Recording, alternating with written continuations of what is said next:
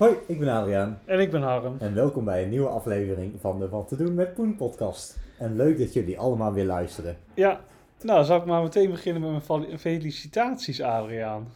Ja, dankjewel. Valentijnsdag toch, of niet? Nee, niet Valentijnsdag. Nee, gisteren zei eh, de Adriaan de fameuze woorden terwijl hij op speaker stond en mijn vriendin meeluisterde.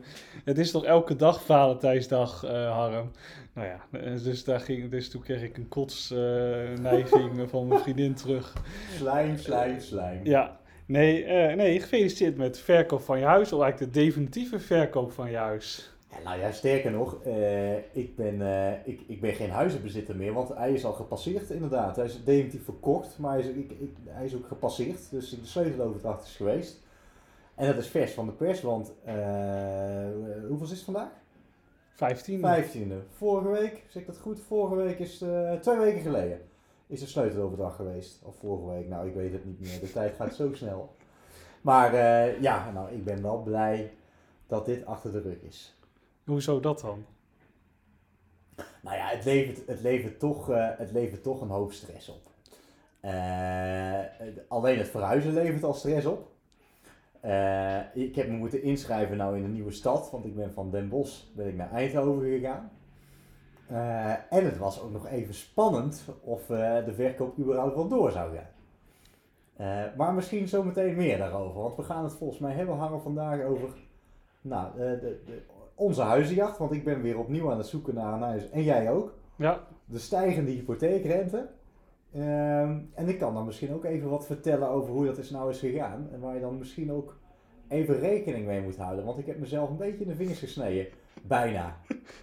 En we gaan het natuurlijk gewoon over de cryptomarkt hebben van, eh, van nu en de toekomst. Luisteraars, opgelet! Harm en Adriaan zijn geen financieel adviseurs. Het gebabbel in de komende podcast is alleen bedoeld voor entertainmentdoeleinden. Maar we zijn een, een crypto podcast. dus laten we maar eens beginnen met de, de, koers, de koers van vandaag. Want hoe staan we ervoor? Nou, het- het gaat op zich eh, niet slecht. Dat, kan, dat is, kunnen we wel zeggen. We zitten nu, terwijl we dit opnemen, op dik 22.000 dollar. 2250 om precies te zijn. Eh, nou, we zijn iets gezakt ten opzichte van vorige week. Toen zaten we toch al, al richting de 24.000 dollar. Maar als je ziet wat eigenlijk de laatste dagen allemaal gebeurd is, dan kunnen we voor mij hartstikke blij zijn dat we op dit eh, bedrag zitten. Want er is toch wel weer een nodige gebeurd, met name in Amerika. Daar heb je zo'n toezichthouder en die heeft verschillende cryptobedrijven nu eh, voor de rechter gesleept. En Mhm. dat, dat gaf toch wel een schok in de markt. Eh, maar ik moet zeggen, het valt alleszins mee. We zitten nog steeds boven het 200 daags gemiddelde. Dat is best een belangrijk gemiddelde. En wat betekent dat, de 200 daags gemiddelde? Dus ge- eigenlijk gewoon letterlijk het, de gemiddelde prijs over de afgelopen 200 dagen. En het is eigenlijk de stelregel, als je daarboven zit, dan zit je in een bull market. Of tenminste, dan zit je in elk geval in een, op, eh, in een markt die omhoog gaat. En die 200 dagen gemiddelde zit nu op 19.700. Ja. Dus daar zitten we best wel ver boven. En wat ook vorige week gebeurd is, is dat het 50 daags gemiddelde, dus de gemiddelde prijs over 50 dagen gemeten, is nu hoger dan het 200 daags gemiddelde. En dat noemen ze dan een zogenaamde Golden Cross. Oké, een, Golden? Cross, eh, ze wil eigenlijk zeggen dat vanaf het moment dat hij, dat hij nou ja, de gouden kruis, kruising zeg maar, heeft doorgemaakt, de prijs weer gaat stijgen. Dus historisch gezien klopt dat ook 9 van de 10 keer, zeg maar. Zodra de 50-daagse gemiddelde over de 200-daagse gemiddelde gaat, gaat de prijs weer stijgen. En we zitten ook nog steeds boven dat 50-daagse gemiddelde. Dus op zich, eh, technisch gezien, zeg maar, als je puur naar de grafieken kijkt, eh, gaat het best wel goed. Hey, maar we hebben wel een dipje gezien, en want het ging inderdaad even sky high. En vervolgens is hij wat gecorrigeerd. Ja, Is, er- zijn we nu, zeg maar, gaat hij weer stabiliteit zoeken? Of hoe moet ik dat zien? nou, hij, hij, hij zakte even één of twee dagen echt wel flink. Dus toen zag je al wel weer heel veel berichten online verschijnen van... oh, we gaan weer naar die 15.000 en 12.000 Ja. en 10.000.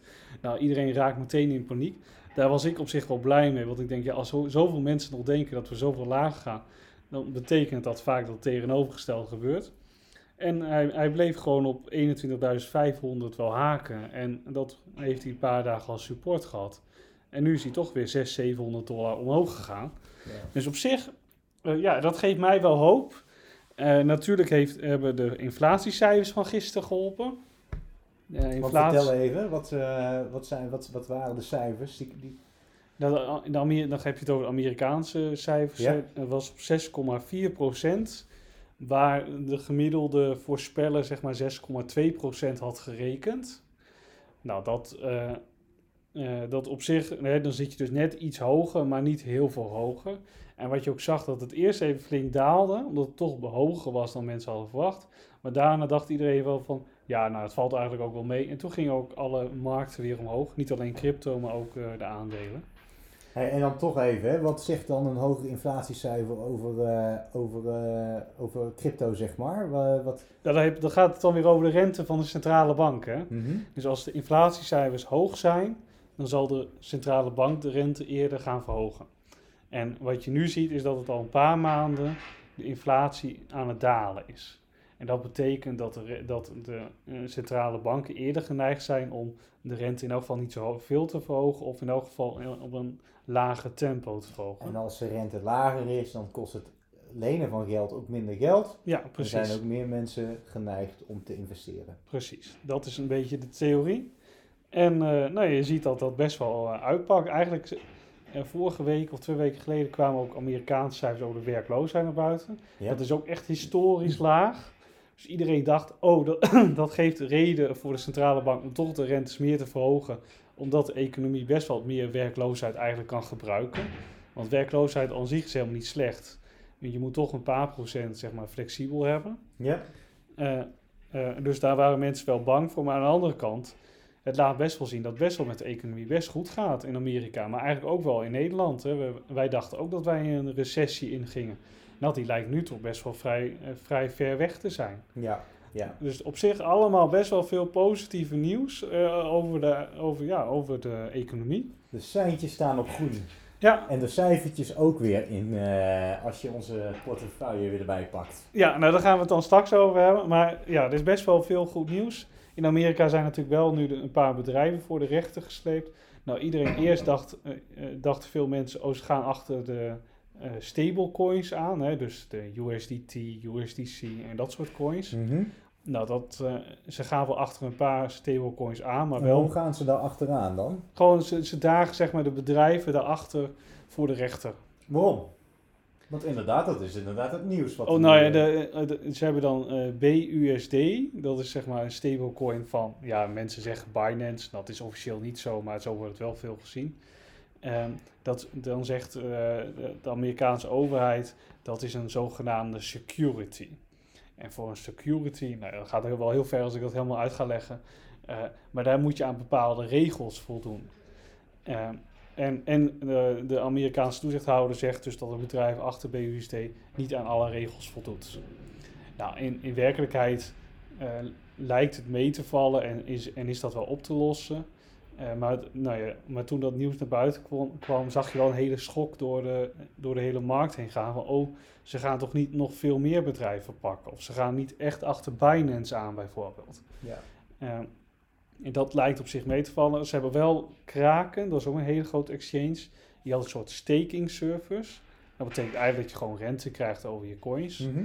Ehm, en daar, eh, die hebben een boete betaald van 30 miljoen dollar. En, en moeten die staking service offline halen. Omdat ze dus niet goed hadden aangegeven wat de risico's en zo zijn. Oké.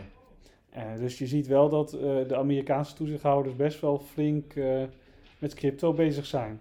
Maar eigenlijk zijn ze dus nu aan het controleren of alles wel volgens de regels en procedures gaat. Ja, precies. Alleen het ingewikkelde van crypto in Amerika, in Amerika is eigenlijk dat helemaal niet duidelijk is wat de regels zijn waar ze aan moeten Aha. voldoen. Dus zo'n exchange zegt ook, ja, vertel ons dan waar we aan moeten voldoen. En ga niet zitten handhaven op regels die wij niet kennen. Ja, of En die daar- vaag zijn. Ja, Dus de, en dat is natuurlijk heel gek, hè? Dus dat je dus een toezichthouder hebt die op regels handhaven waarvan niemand weet wat er eigenlijk de regels zijn. Dus je ziet ook dat er heel veel rechtszaken nu gedaan worden. En dat eigenlijk de rechter moet beslissen, ja, waar, wat zijn dan de regels waar, waar mensen aan moeten voldoen. Ja, ja, ja. Dus, dat- dus nou ja, de, voor, als, als je er echt heel erg in geïnteresseerd bent, dan moet je, zou ik echt gewoon op Twitter de Coinbase CEO en Kraken CEO en zo gaan volgen, die daar volop aan het over aan het tweeten zijn. Maar het is wel, eh, nou ja, ik, ik vind het maar een vreemd verhaal uit in Amerika. Maar tegelijkertijd zijn dit soort dingen die doen eigenlijk niet zo, altijd heel, niet zo heel veel goed met de markt, toch? Nee. Ik bedoel, hoe meer eh, van dit soort eh, nieuws is, hoe, hoe minder zeg maar, mensen dan ook misschien bereid zijn om te gaan investeren. Nee, dat klopt. Mensen willen wel eh, in iets investeren wat bijvoorbeeld niet later door de overheid verboden wordt. Want dat is dan een doemscenario, zeg maar. Dat, dat eh, Amerika zegt, nou, we, we hebben niks te maken met crypto, mag gewoon niet. Ja. Zoals China Ja. gedaan heeft. Nou, die, ik denk dat een paar jaar geleden die kans veel reëler was. Inmiddels is Coinbase op de beurs. Zijn echt hele grote bedrijven. Dus ik denk niet dat eh, Amerika of welk ander land, of nou in elk geval Amerika en Europa het gaat verbieden. En ook Zuid-Amerika en Afrika zijn ook best wel enthousiast over crypto. Eh, maar ja, het is wel, het blijft gewoon on- onduidelijk wat de regels zijn rondom crypto. En dat is dan wel het voordeel. Als het, gaat natuurlijk een keer wel duidelijk worden, hè, want er komen allemaal rechtszaken en dan, en dan komt de jurisprudentie. En dan weet iedereen waar die aan toe is. En natuurlijk zullen er dingen uitkomen waarvan we denken nou, dat is hartstikke slecht voor de, voor de hele economie, zeg maar de, in elk geval de crypto-economie. Maar er zullen ook wel dingen uitkomen dat het in elk geval duidelijk is en dat mensen dus ja, wat meer vertrouwen in crypto-wereld hebben. Oké, en, en, en maar resumeer, dat was dus ook de oorzaak dat we dat dipje hebben gehad. Ja, oh, en natuurlijk, we waren best hard gestegen. Hè? Precies. We gingen van 16.000 naar bijna eh, naar, naar dik 24.000. Dan is het heel normaal dat het even een paar duizend dollar zakt. even gecorrigeerd. Eigenlijk is dat best wel gezond. Als het gewoon één klap door was gegaan, dan hadden we waarschijnlijk veel grotere problemen gehad. Het mooie is dat een, een, een, eh, een collega van ons, die, eh, die, die appte ons, hè, toch? Of die ja, appte ja, die, jou. die heeft mij gisteren, ja. En die, die appte van, nou, ik denk dat ik toch maar weer even ga instappen. En jij zei, nou, als diegene zit te appen, dan is het misschien, goed, dan is het misschien tijd om alles weer te verkopen. Ja. Maar, eh, het, het is wel beeldend, hè. Het, je ziet gewoon, het, het gaat weer een periode goed. En mensen die zeg maar, worden even wakker geschud en die gaan nu weer investeren. Dus het vertrouwen komt ook een beetje terug. Ja, en het vertrouwen, dat is alles waar het om draait. Hè? Want we zien het ook in onze luistercijfers. Eh, onze, de laatste aflevering werd in binnen een week al meer geluisterd dan, eh, dan de aflevering daarvoor in totaal was beluisterd. Ja. Dus je, je ziet echt wel dat de interesse weer toeneemt in crypto. We zijn nog lang niet eh, als het gaat eh, om bull market levels, hè, dat je het eigenlijk overal op elk feestje hoort en iedereen het erover heeft en de, kranten en de media er vol over staan. Daar zijn we nog lang niet. Maar de eerste positieve signalen begin je wel te krijgen. En ik denk dus ook echt, dan, nou, we hebben het ook over voorspellingen. Ik denk dat wij de komende maanden weer die 30.000 dollar gaan zien. Of we daar veel verder boven, bovenuit gaan zien zitten, dat weet ik niet. Dat, dat ligt echt wel aan eh, of de Amerikaanse centrale bank snel de rentes gaat verlagen, bijvoorbeeld. Eh, maar ik denk dat we best wel een, een redelijk jaar tegemoet gaan. Mooi. Gaan we over naar het volgende onderwerp. Ja, want eh, ja, ja, jij vertelde zo een beetje cryptisch dat je eh, eigenlijk beslissingen hebt genomen waar, wat achteraf gezien misschien niet heel handig was. Maar vertel maar aan de luisteraars wat dat was. wat, wat was er allemaal aan? Nou, weet je, ehm, ik heb mijn huis, eh, eh, mijn huis is verkocht. Eh, alleen als je een huis hebt gekocht, hè, dan, dan doe je meestal altijd een bod onder voorbehoud van financiering. Ja. Dus dat betekent zeg maar dat je, dat je nou, eh, eh, eh, eigenlijk niet meer onder, de, eh, onder, de, onder, het, onder je contract of onder je huis uit kan komen. Behalve als de bank de financiering niet afgeeft. Nou, eh, eh, dat was bij mij dus ook het geval. Ik kreeg een, heel mooi onder voorbehoud van financiering. En op een gegeven moment eh, kreeg ik een, een, een berichtje van, eh, van de koopster. Van joh, ehm, eh, het, is nog het is een beetje onzeker of eh, de bank de, de financiering wel eh, wil afgeven. Eh, eh, en toen dacht ik, god, dat zal toch niet waar zijn. Want in principe is het dan zo, Harm, als jij een afwijzingsbrief hebt gekregen van de bank, dan gaat het hele feest niet door. Ja. Eh, dus dat vond ik heel vervelend. Ik denk, En, en, en daarbovenop was zeg maar dat berichtje wat ze had gestuurd, was ook heel kort op de, de definitieve overdracht Dus ik was alles al heel mooi aan de gang aan het zetten. Ik had al mijn abonnementen en mijn contracten had ik opgezegd.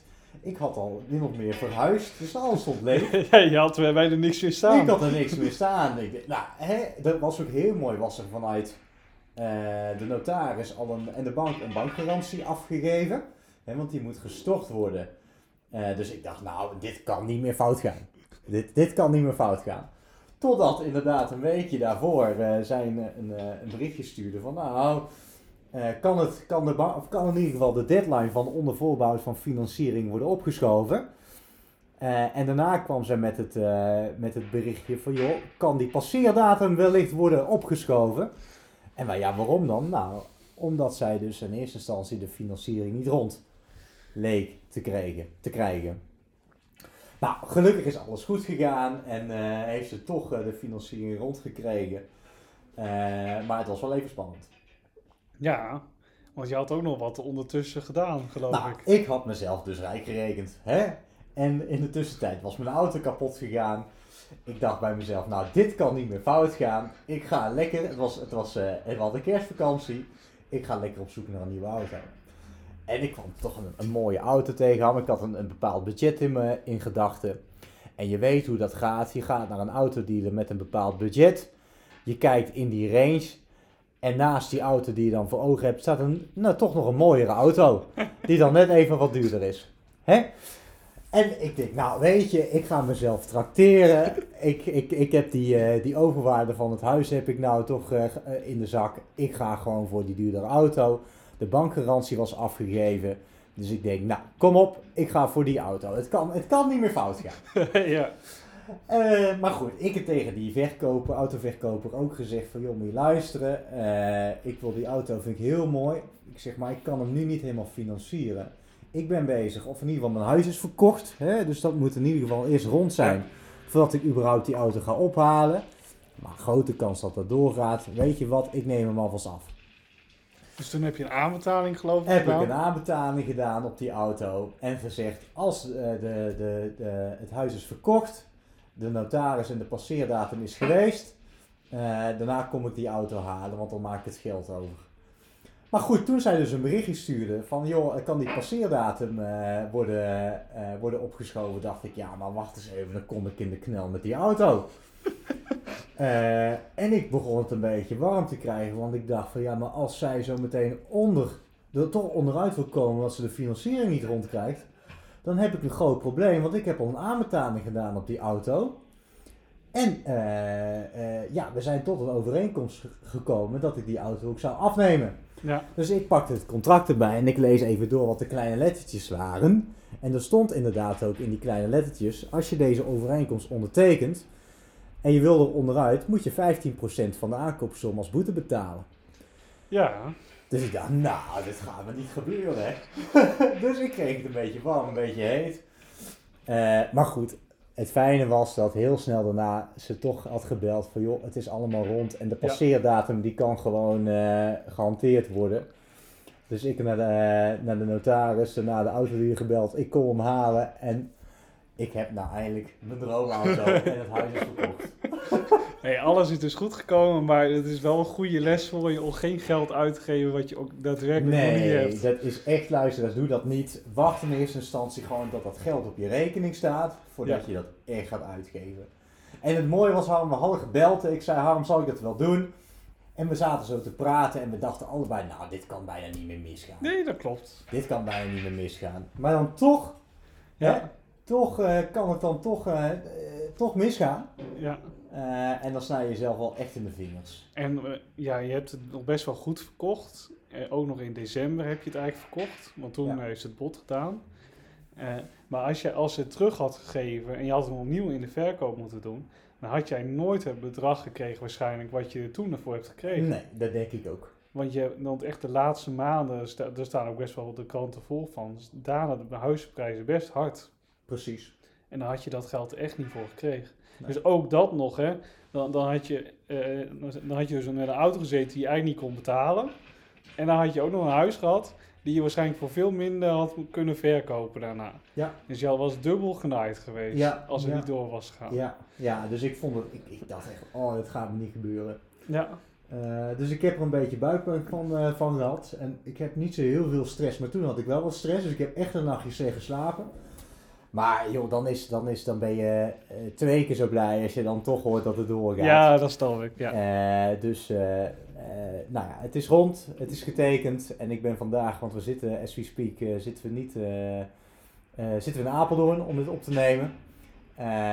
En ehm, eh, met, ik ben met een nieuwe auto naar het werk gekomen, dus dat is dan ook hartstikke leuk. Nu vind je het ineens niet zo erg als je moet rijden. Nee, maar ja, dat is maar even. Ja. Maar goed, even de huizenmarkt halen, want ik weet dat jij ook weer aan het zoeken bent naar een eh, nieuw huis. En zeker, ik denk dat het nu interessanter is geworden om eh, te kijken naar een nieuw huis, omdat dus de hypotheekrente in ieder geval is gestegen. Maar dat betekent ook dat de huizenprijzen Zeker. naar beneden zijn gegaan. Ja, je zit nu een beetje om een kantelpunt, heb ik het idee. Hè? Want eh, waar jij nog het huis best wel goed verkocht hebt, gaat echt de laatste maanden best wel naar beneden, die huizenprijzen. En dat komt natuurlijk omdat die rentes best wel hard gestegen zijn. Hè? Want jouw rente van jouw hypotheek was 1, nog wat procent, geloof ik. 1,2 procent. Ja, en nu begint dat bij 4,5 of zo, hè? Ja. Nou, en dat betekent gewoon dat mensen gewoon eigenlijk gewoon minder kunnen lenen. Ja, daar komt het gewoon op neer. Want je, je maandlasten, je kunt dezelfde maandlasten houden. Eh, maar ja, als je 4% rente hebt of 1% rente, dat maakt nogal wat uit voor het bedrag. Ja, Eh, dus ik eh, zit nu echt al een paar weken best wel te kijken. En eh, je, ziet, je ziet ook telkens meer huizen weer opnieuw online komen. Of echt met ook wel de tekst nu in prijs verlaagd. En dat zijn toch wel met name huizen waar ik zit te kijken. Dat is toch 4, 5 ton, zeg maar. Die range. Ja, daar kunnen toch heel veel mensen niet betalen. En een hele grote groep door de, door, de, door de nieuwe rentes al helemaal niet. ja. En ik heb natuurlijk wat eigen geld. Eh, mijn huis is relatief goedkoop. Die kan ik denk best wel goed nog verkopen. Dus je hebt ook een stukje overwaarde in je huis wat je Ja. kan inleggen. Precies. Dus eh, eh, op zich is het helemaal niet oninteressant om nu serieus te gaan kijken naar een huis. Ik had ook van de week mijn hypotheekadviseur aan de lijn. En toen heb ik ook gevraagd: van, nou, kan ik mijn hypotheek met een NHG-hypotheek meenemen? Ja. Nou, dat zou, dat zou kunnen, maar dan, dan krijg je natuurlijk niet de NHG-rente van destijds, maar dan wordt het op een of andere manier gemiddeld. Maar dat scheelt me ook zo 1, 2 procent rente voor een deel van het bedrag wat ik nodig heb. Dus ja, het is best wel interessant om nu te kijken. Dus we zijn echt wel serieus aan het kijken van, eh, ja, wat, wat, wat is er zoal en eh, wat Wat zijn de mogelijkheden? Want het mooie is, Harm, kijk, jouw, jouw hypotheekrente is ook, is, is ook lager dan zeg maar de huidige rente. Ja, 2, komma nog wat. Wat kan, hè, dus waar wij nu op, eh, nou, en die van mij ook, het zou heel mooi zijn, daar zijn we nu naar, naar aan het op zoek, is dat je die hypotheekrente kan meenemen.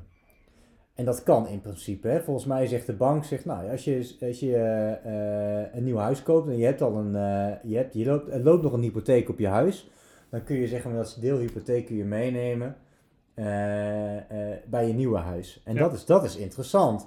Want dat zou dus betekenen dat je je huidige rentestand kan meenemen eh, in de aankoop van een nieuw huis. Nee, en dat scheelt serieus veel eh, geld in de maandlasten bijvoorbeeld. En, en daardoor kun je ook be- best wel wat meer lenen eigenlijk dan je met de rente zou kunnen doen van 4, 4,5 procent. Ja. Dus ja, wij, zi- wij zitten echt nou wel te kijken. We hebben binnenkort dan echt een gesprek met de hypotheekadviseur om alles door te nemen. Te kijken wat de mogelijkheden zijn, et cetera. En eh, ik ben nu aan het kijken of een nieuwbouwhuis misschien wat is. Maar ik zag gisteren ook al een, een, een nieuwbouwhuis die in 2022 is opgeleverd, weer in de verkoop staan. Nou, misschien is dat interessant. Dus eh, we zitten echt wel een beetje te kijken, zonder dat ik echt nu weg moet. Hè, want mijn huis is nu prima. Eh, dus ik heb op zich ook wel de tijd. Maar ja, dan, dan begint een beetje het spel. Hè? Net als met crypto. Je wil eigenlijk zo laag mogelijk inkopen. Maar ja, wanneer gaat weer de gaan weer de huizenprijzen omlaag? Ja, niemand die het weet. Ja. Dus eh, dat is een beetje het spel. En dan moet ik ook niet te veel door laten leiden. Uiteindelijk gaat een huis natuurlijk ook gewoon iets waar je gewoon z- 20, 30 jaar echt eh, nou, prima moet kunnen wonen. Of tenminste een tijd prima moet kunnen wonen. En je moet het niet zo als beleggingsobject zien voor een huis waar je in elk geval zelf in gaat wonen. Maar dat vind ik dan toch lastig. maar gelukkig hebben we allebei een partner die daar misschien iets minder waarde aan hecht. Dus dat, dat scheelt dan. Ehm, Maar ja, dus we zijn eh, daar echt wel aan het kijken. Alleen, ja, jij hebt al meer haast, Karat. Want jou, jij kan nog maar drie maanden je hypotheekrente Ja, meenemen. dat is het ook. Bij ons is de afweging hè, eh, of, eh, of we nu... eh, we hadden eigenlijk het idee van, nou, weet je, we wachten een jaartje.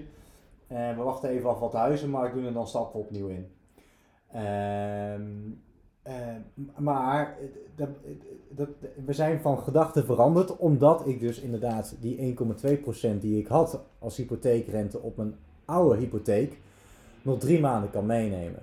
Dus dat zou betekenen als ik binnen nu en drie maanden een nieuw huis zou hebben, dan kan ik die 1,2% die ik heb, kan ik meenemen op het deelhypotheek wat ik, eh, wat ik dus eh, zeg maar nog had. Ja. Dus het is dan niet zo dat die, die 1,2% over het totale bedrag eh, wordt gehanteerd. Maar dan wordt het, wordt het op het bedrag waar nog een hypotheek voor stond op het oude huis. Daarvan wordt die 1,2% eh, gehanteerd.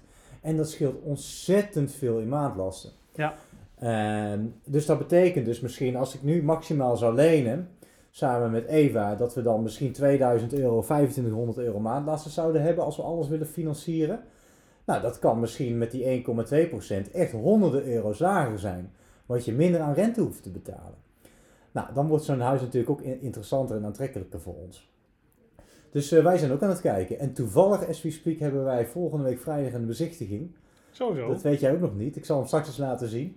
Eh, maar wij gaan ook, we gaan, zijn toch echt aan het kijken van, hey, kunnen we op korte termijn toch wat vinden wat interessant is voor ons?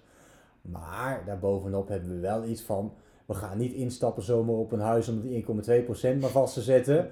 We willen dan wel echt een huis wat ook echt onze Ja. smaak is. En ook een beetje te betalen. Dus dat wordt vervolgd, luisteraars. Ja, nee, heel goed. Nee, dat, dat wordt weer... eh, misschien dat we over een één of twee afleveringen allebei een nieuw huis hebben. Ik sluit het niet uit. Oh ja, dat kan ook weer snel gaan. het kan heel snel gaan. Hey, we gaan eh, ehm, eh, naar het volgende onderwerp, namelijk onze tussenstand van de portfolio. Ja, De balans. Vertel Harm, wat, wat is de stand op dit moment? nou, eh, we hebben 2850 euro ingelegd. Ik heb het net, voordat we het opnamen even zitten tellen. En we zitten nu op de 3950 euro in totaal. Hier, Dus, dus we zitten, nou, dik 1000 euro hebben we zeg maar nu virtueel winst. Hè? Want we hebben, het, we hebben het nog niet gepakt. Dus je kunt niet echt zeggen winst, maar een unrealized eh, profit, zeg maar, zoals je het zou moeten noemen. En eh, nou, eh, op zich is dat best wel eh, goed, hè? want we hebben eigenlijk toch wel een kutjaar achter de rug, dat kunnen we wel zeggen. Eh, en dan toch, na nou, een relatief kleine rally in januari, staan we echt wel dik in de winst. Dus dat geeft wel, nou ja, wel vertrouwen dat we op de goede weg zijn. Ja, mooi. En we- wat we de laatste weken ook gedaan hebben, dat we via Instagram doen we dat ook veel. Hebben we ook wel wat coins zoals Rende bijvoorbeeld, die echt heel hard gingen. Hebben we wat van verkocht en daar andere coins voor teruggekocht. Eh, wat ik niet gedaan heb, want daar hebben we het de vorige keer over gehad, is om Bitcoin en Ethereum al te verkopen. Want ik, ik zag toch best wel wat wisselende reacties in, in onze Telegram groep. Sommigen vonden het prima om dat te doen. Anderen vinden het juist wel mooi dat we wel een Bitcoin en Ethereum hebben, omdat dat toch wel een beetje de basis is van een normaal portfolio. Eh, maar ik zat te denken van, je ziet vaak bij het begin van een boelrun dat Bitcoin en Ethereum harder stijgen dan de meeste alts. Denk, als het dus richting de 30.000 dollar gaan, dan gaat Bitcoin waarschijnlijk alle liquiditeit zeg maar, opzuigen, ook van alle altcoins. Dus dan zul je dat altcoins helemaal niet veel harder of misschien wel slomer dan Bitcoin omhoog gaan. En op dat moment ga ik denk ik een deel van Bitcoin en Ethereum verkopen om dat in altcoins te zetten. Want met een bull market, eh, eh, wat je zegt, in eerste instantie gaan, eh, gaan de stable, gaat een bitcoin en ethereum gaat als eerste omhoog. Ja. Wat vervolgens, en, en de altcoins die blijven steken. En wat er dan vervolgens gebeurt, is dat dan een omslag komt en dat de Ja. altcoins omhoog gaan. En eigenlijk zeg je, het zou mooi zijn als, je, als we in een bull market zijn, om in, om in ieder geval wat bitcoin te houden, zodat die mee omhoog gaat. dan een deel te verkopen, steken in altcoins, zodat die ook mee omhoog gaan. Ja. Nee, maar precies. Dus we gaan. eh, dus ik denk dat we er zo een beetje mee gaan spelen. Oké. En ja, we hebben nu best wel veel coins, 10, 11 eh, verschillende coins. Allemaal best wel goede en helemaal niet hele lage, of ook geen meme coins en zo. Misschien als echt de bull market van start gaat, dat we daar ook wat meer gaan mee gaan spelen. En dan ook gewoon 100 euro in Dogecoin of weet ik veel wat gooien. Maar de basis, 90% zou ik toch houden in de, de wat stabielere, grotere altcoins. Waarmee je ook prima winsten kan halen. Want het is echt niet zo dat je daar dat dat 100% stijgt en dat is klaar. Eh, maar ja, zo proberen we dat toch een beetje op te bouwen. En ik ben best wel benieuwd hoeveel mensen eigenlijk ons volgen. En niet dat ze elke trade die wij doen echt gaan volgen. Maar wel zoiets hebben van, oh, daardoor ga ik toch elke week of elke maand eh, wat inleggen. Ja, Want ik vind het ook wel mooi om te zien, waar eerst de hele tijd eh, toch wel van, ja, wa- wat is dan de bodem, hè? Is nu toch wel een beetje, waar, waar moet ik nu gaan verkopen? Dus je ziet wel dat de omslag ook daar wel plaatsvindt van, hè, eh, van toch wel een slecht jaar. Van, oh, we, we zien toch wel dat het ook wel kan, dat, dat de prijzen stijgen. Dus dat, ja, het, ma- het maakt het wel een stuk leuker, dit. mooi. We gaan naar het eh, laatste onderwerp, de vragen van vandaag. En nu door naar de vragen van de luisteraar. En we behandelen er vijf. En eerste vraag, doen jullie ook actief traden? Ja, wat is actief traden? Ik heb eh, op crypto.com een paar eh, bots lopen. Eh, een, een zogenaamde DCA-bot. Nou, dat is gewoon eigenlijk stom elke dag kopen. Elke dag om 1 uur en om 10 uur s'avonds krijg ik mailtjes dat ik weer wat gekocht heb. Want ik koop de laatste paar weken GMX bijvoorbeeld bij. En DIDX, dat zijn een paar coins die, met een soort, die met traden te maken hebben. En V- VeChain koop ik geloof ik nog elke dag en, en nog een coin. Dus die, dat is... Ja, maar Maar ja, die koopt die bot voor jou. Ja, die koopt die bot voor mij elke dag. Eh, dat is in wezen een beetje traden, maar ja, het is niet dat ik dat snel weer verkoop. Die ga ik pas verkopen als ze flink gestegen zijn. En ik maar heb... het is een automatische transactie wat hij dan doet. Ja, eigenlijk automatisch. Het enige wat hij doet, hij weet, ik, eh, nou, ik heb voor mij, ik koop voor mij elke dag voor 30 euro aan GMX bij. Dus elke dag om 10 uur of zo koopt hij voor 30 euro GMX. Maakt niet uit welke prijs het is, hij koopt voor 30 euro GMX. En dat doet hij gewoon wekenlang. Ik heb het voor mij voor vijf maanden zelfs ingesteld. Dus voor vijf maanden lang krijg je elke dag een GMX. En dan als GMX echt nog veel meer gaat stijgen, want hij stijgt al best wel hard, dan ga ik het eens verkopen. Maar wat ik ook heb, is een zogenaamde gridbot. En dat wil, die heb ik bijvoorbeeld op Render geïnstalleerd. En die zegt eigenlijk bij, bij elke 10 cent of 5 cent, nou ja, er zit een bepaalde formule achter, koopt hij en verkoopt hij eh, Render. Ja, maar dat vind ik meer traden. Ja, dus, die, eh, dus toen Render van 1 dollar naar 2 dollar ging, maar dat gaat natuurlijk niet in één rechte lijn. Dat gaat naar 1,50 dollar, dan naar 1,30 dollar en dan... naar- nou, maar elke paar procent koopt hij het. En als het dan weer, eh, eh, weer, weer verder stijgt, dan verkoopt hij dat weer. En als het dan weer daalt, koopt hij. En als het dan weer stijgt... Nou, zo gaat het dus de hele tijd op en neer. Dus op zo'n van 1 tot 2 dollar pak je misschien wel 10 keer winst omdat hij van 1,40 dollar naar 1,20 dollar gaat, nou, et cetera, et cetera. Nou, ik heb dat met een relatief klein bedrag, doe ik dat. Dat gaat ook al helemaal automatisch. Gewoon om een beetje te testen. Maar tot nu toe bevalt het wel. Alleen, die bot werkt eigenlijk alleen maar als het de prijs ook echt daadwerkelijk omhoog gaat. Want als het alleen maar daalt, dan koopt hij wel de hele tijd. Maar dan kan hij niet verkopen. Ja. Dus Ja. zo moet je daar een beetje, eh, zo speel ik daarmee. En voor de rest, eh, ja, wa- wat ik doe is eh, gewoon mijn winst pakken als coins echt heel erg gestegen zijn. Ik had heel veel render. Nou, ik heb met 2 dollar heb ik, eh 10, 20 procent verkocht. Ja. En, die, en die zit ik dan in USDC en daar koop ik dan die GMX dan bijvoorbeeld nu voor terug. Dus dat is wat ik nu doe met traden. Eh, veel, als, als mensen het over traden hebben, gaat het ook vaak over leverage. Hè? Dus dat je met gel- geleend geld gaat traden. Nou, dat doe ik allemaal niet. Ik heb het één keer geprobeerd. Was binnen een week eh, was ik het geld weer kwijt. ja. Eh, ja, dan moet je echt heel goed weten wat je doet. Oké, volgende vraag. Wat zijn reële bedragen in de bullrun voor de top 10 altcoins? Ja, de, zeg het maar. Ja, goede vraag. nou ja, eh, eh, laten we er even van uitgaan dat Bitcoin eh, hoger gaat komen dan die 69.000 dollar. Dus bij een volgende bullruns dat die richting die 100.000 of misschien zelfs bovenop gaat. Nou, dan kun je er gemakshalve van uitgaan dat alle altcoins op bijna alle altcoins. Want het is helemaal niet gezegd dat alt, dat de altcoins van de vorige bullrun ook weer de all-time high halen. Maar de goede zullen dat wel doen. Die zullen hun oude all-time high wel gaan verbreken. En misschien wel vertweevoudigen. Ligt er een beetje aan hoe groot die is. Ehm, dus daar zou je grofweg rekening mee kunnen houden. Maar ga daar nou niet op gokken. Pak gewoon, eh, weet een beetje wat je gemiddelde prijs was van een coin. En de hele weg omhoog verkoop gewoon eh, je crypto. Niet alles in één keer, maar doe als het eens een keer verdubbeld is, pak eens 10, 20% winst. Als het weer verdubbeld is, weer 10, 20%. En wat je dan ook nog een keer zou kunnen doen, dat heb ik ook een tijdje gedaan, dat je stop-losses gaat plaatsen. Dus stel een coin is, zeg maar, Chaining bijvoorbeeld, die, die, is, eh, die gaat naar de 100 dollar. Dat sluit ik niet uit voor Chaining. Eh, maar hij gaat nog ver verder dan 100 dollar. Dat je dan gewoon, nou de hele weg omhoog heb je naar 100 dollar een deel zitten verkopen. Je hebt nog steeds coins op 100 dollar. Dan zeg je gewoon, nou ik wil altijd 100 dollar voor mijn chaining hebben. Dan zet je gewoon een stop los op 100 dollar. En als dan chaining toch doorstijgt naar de 150, dan kun je die stop los nog hoger zetten en op 140 bijvoorbeeld zetten. Zo Ja. krijg je altijd die prijs ervoor. Ja. Zo zou ik een beetje mee omgaan. Ehm, en eh, nou ja, op die manier. Maar ga nou niet eh, zitten rekenen van, nou, Bitcoin gaat sowieso de 100.000 bereiken en die gaat sowieso. Dus ik ga pas op de 100.000 verkopen. Ja, dat moet, zou ik echt niet doen. Want stel je voor dat je had gezegd met de boeren van, ik ga pas Bitcoin verkopen bij 70.000 dollar.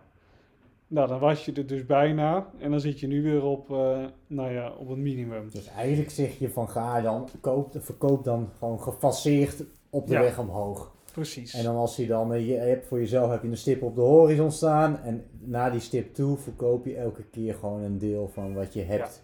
Oké, dat, dat, is de, dat is de strategie die ik gebruik. Hè. Dus, eh, er zijn zoveel strategieën denkbaar. Maar daarmee heb je achteraf het minste spijt. Weet je, je kunt natuurlijk, hè, natuurlijk heb ik ook gebaald bij sommige coins. Die heb ik veel te vroeg voor een gedeelte zitten verkopen. Maar er zijn ook genoeg coins waarbij ik la- later dacht, ik had veel meer moeten verkopen toen ik, het, eh, eh, toen ik op het punt stond om te verkopen. Dus ja, Ja. je, je, je moet er gewoon blij zijn met wat je krijgt.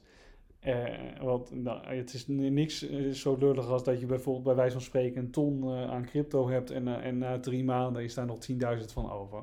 ja. Ja, dat moet je echt willen voorkomen. Oké, helder. Volgende vraag. Waarom gaan coins zoals Render... Nee, gaan coins zoals Render de hele cyclus heel hard? Nee, dat is er geen één. Er gaat geen één coin de hele cyclus door hard omhoog. Je ziet altijd dat het in fases gaat. Eh, dan gaat de metaverse tokens, dan de DeFi tokens, nou ja, noem maar op. Dan de gaming tokens. Nou, je hebt allemaal verschillende categorieën en die gaan één voor één. Eh, soms zit, zit er een beetje overlap in, maar het gaat niet zo dat alle coins eh, In één keer heel hard heel doorgaan. Dat, dat is gewoon onmogelijk. Dat, dat- dus ook daar, als een coin van jou met 300, 400 procent stijgt, wat bij Rende gebeurd is, pak gewoon een deel van je winst. Want je kunt er echt niet van uitgaan dat dat eh, in, in één keer doorgaat. Oké, dan de, eh, gebruiken jullie nog steeds Bitfavo voor de aankoop van crypto? Nou ja, ik gebruik mijn main exchange nog steeds crypto.com. Dus daar koop ik die GMX en zo op. Dus de coins zeg maar voor mezelf. En wij gebruiken natuurlijk voor ons portfolio eh Bitfavo. En jij gebruikt ook Bitfavo. Ja, En dat is natuurlijk, hè, Bitfavo was, lag een beetje onder vuur, hè? Want eh, zouden ze wel hun crypto terugkrijgen? Nou, ze hebben nu eh, waarschijnlijk een deal met Genesis, want dat is het bedrijf waar ze zeg maar, de crypto aan uit hadden geleend. Dat ze minimaal 70% terugkrijgen, waarschijnlijk 80% en eh, oplopen tot 100. En nou, die deal is bijna getekend.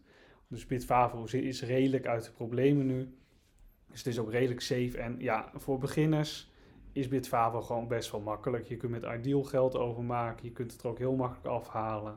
Het is een best wel eenvoudige interface. Dus hij is toegankelijker dan crypto.com. ja, dat sowieso. Ja. Maar als je echt wil, eh, echt wil gaan traden en zo, ja, dan moet je niet op Bitfavo zijn. Tot slot, Harm, laatste vraag. Is er nog nieuws over ons Earth 2 project? Ja, Ur 2, eh, dat is ons eh, Metaverse project waar we af en toe wel eens wat over verteld hebben. Zo'n tweede aarde waar je dan land op kan kopen en waar, waar dan zeg maar je eigen wereld op kan bouwen. Nou, wij hebben beide best wel wat grond her en der. Ehm, en eh, ja, dat, de, er wordt nog steeds aan gebouwd. Dus het is niet zo dat dat stil ligt, dat project. Ze, ze hebben ook, als je die filmpjes bekijkt waar ze mee bezig zijn, dan ziet dat er ook wel heel gelikt en mooi uit. Eh, maar ja, er is, het levert wel nog geen donder op, zeg maar. nee, nee. Nou, ik, ben, ik ben er eigenlijk ook eerlijkheidshalve vanaf gestapt om elke dag in te loggen. Om Doe je, log je überhaupt af en toe nog in? Nee, dat doe ik niet meer. Nee. Ik heb dat heel lang heb ik dat elke dag gedaan. Want dan kreeg je rewards, hè? Ja, ja. Eh, doe jij dat nog dan? Ik- ik log. Elke dag? Nou, niet, nou, niet elke dag, maar ik denk vier, vijf keer in de week. Want ik krijg er allemaal van die, eh, die gems nog. Nou, dat is, dan krijg ik er toch nog iets van 20, 30 of zo per week van. Is toch minimaal 10 cent per stuk waard. Nou ja, is 3 dollar of zo. Dat is ook niet de wereld. Eh, maar die zou ik wel kunnen verkopen. Dat, daarmee zou ik wel geld trouwens uit kunnen halen. Want ik heb echt, nou ik denk wel duizenden van die gems inmiddels. Eh, en ik haal elke dag mijn essence op, of bijna elke dag. Ja. Dat precies. is zeg maar de cryptocurrency van dat spel. Alleen dat is nog niet uit. Het is nog niet op exchanges gezet of eh, wat dan ook. Maar ze hebben ook vorig jaar zouden ze dat gaan lanceren, hè, die Essence, op exchanges en zo. Dat hebben ze toen uitgesteld, heel verstandig, omdat de markt zo in elkaar eh, zo te mieterde. Maar ze hebben nu gezegd van als de markt weer eh, langdurig goed gaat, dan zijn wij wel geneigd om dat ding op de, op de exchanges zeg maar te zetten. Nou, ik denk als ze dan ook wat verder zijn met, nou ja, met het spel ontwikkelen, dat, dat dat best wel interessant is. Zeker als je in een boelrun komt waarbij metaverse en gamecoins ehm, ja, gewoon de aandacht hebben. Dus ik, ik, heb, ik, ik, heb, vol- ik zit volgens mij nu op 8000 of 9000 essence. Dus wie weet dat dat er een keer eh, op de markt gezet wordt en voor een paar dollar per stuk verkocht wordt. Nou ja, dat is, zal wel heel chill zijn natuurlijk. Ja. Ik ga misschien ook maar weer eens inloggen dan. Ik, ik, kijk, inloggen en gewoon, dat, dat is, ah, dit is gewoon stom werk. Ja, dit, is, dit is in twee seconden gedaan. Hè? Nou, eerst had ik dus een herinnering in mijn telefoon gezet, elke dag, van log even in op Earth 2 om dat op te halen. Maar die herinnering heb ik eruit gejast, dus ik log ook niet meer in. tot, dat is, tot zover. Tot Ja. zover. We zijn er eh, over een eh, week of twee weer terug. Bedankt voor het luisteren. Bedankt voor het luisteren.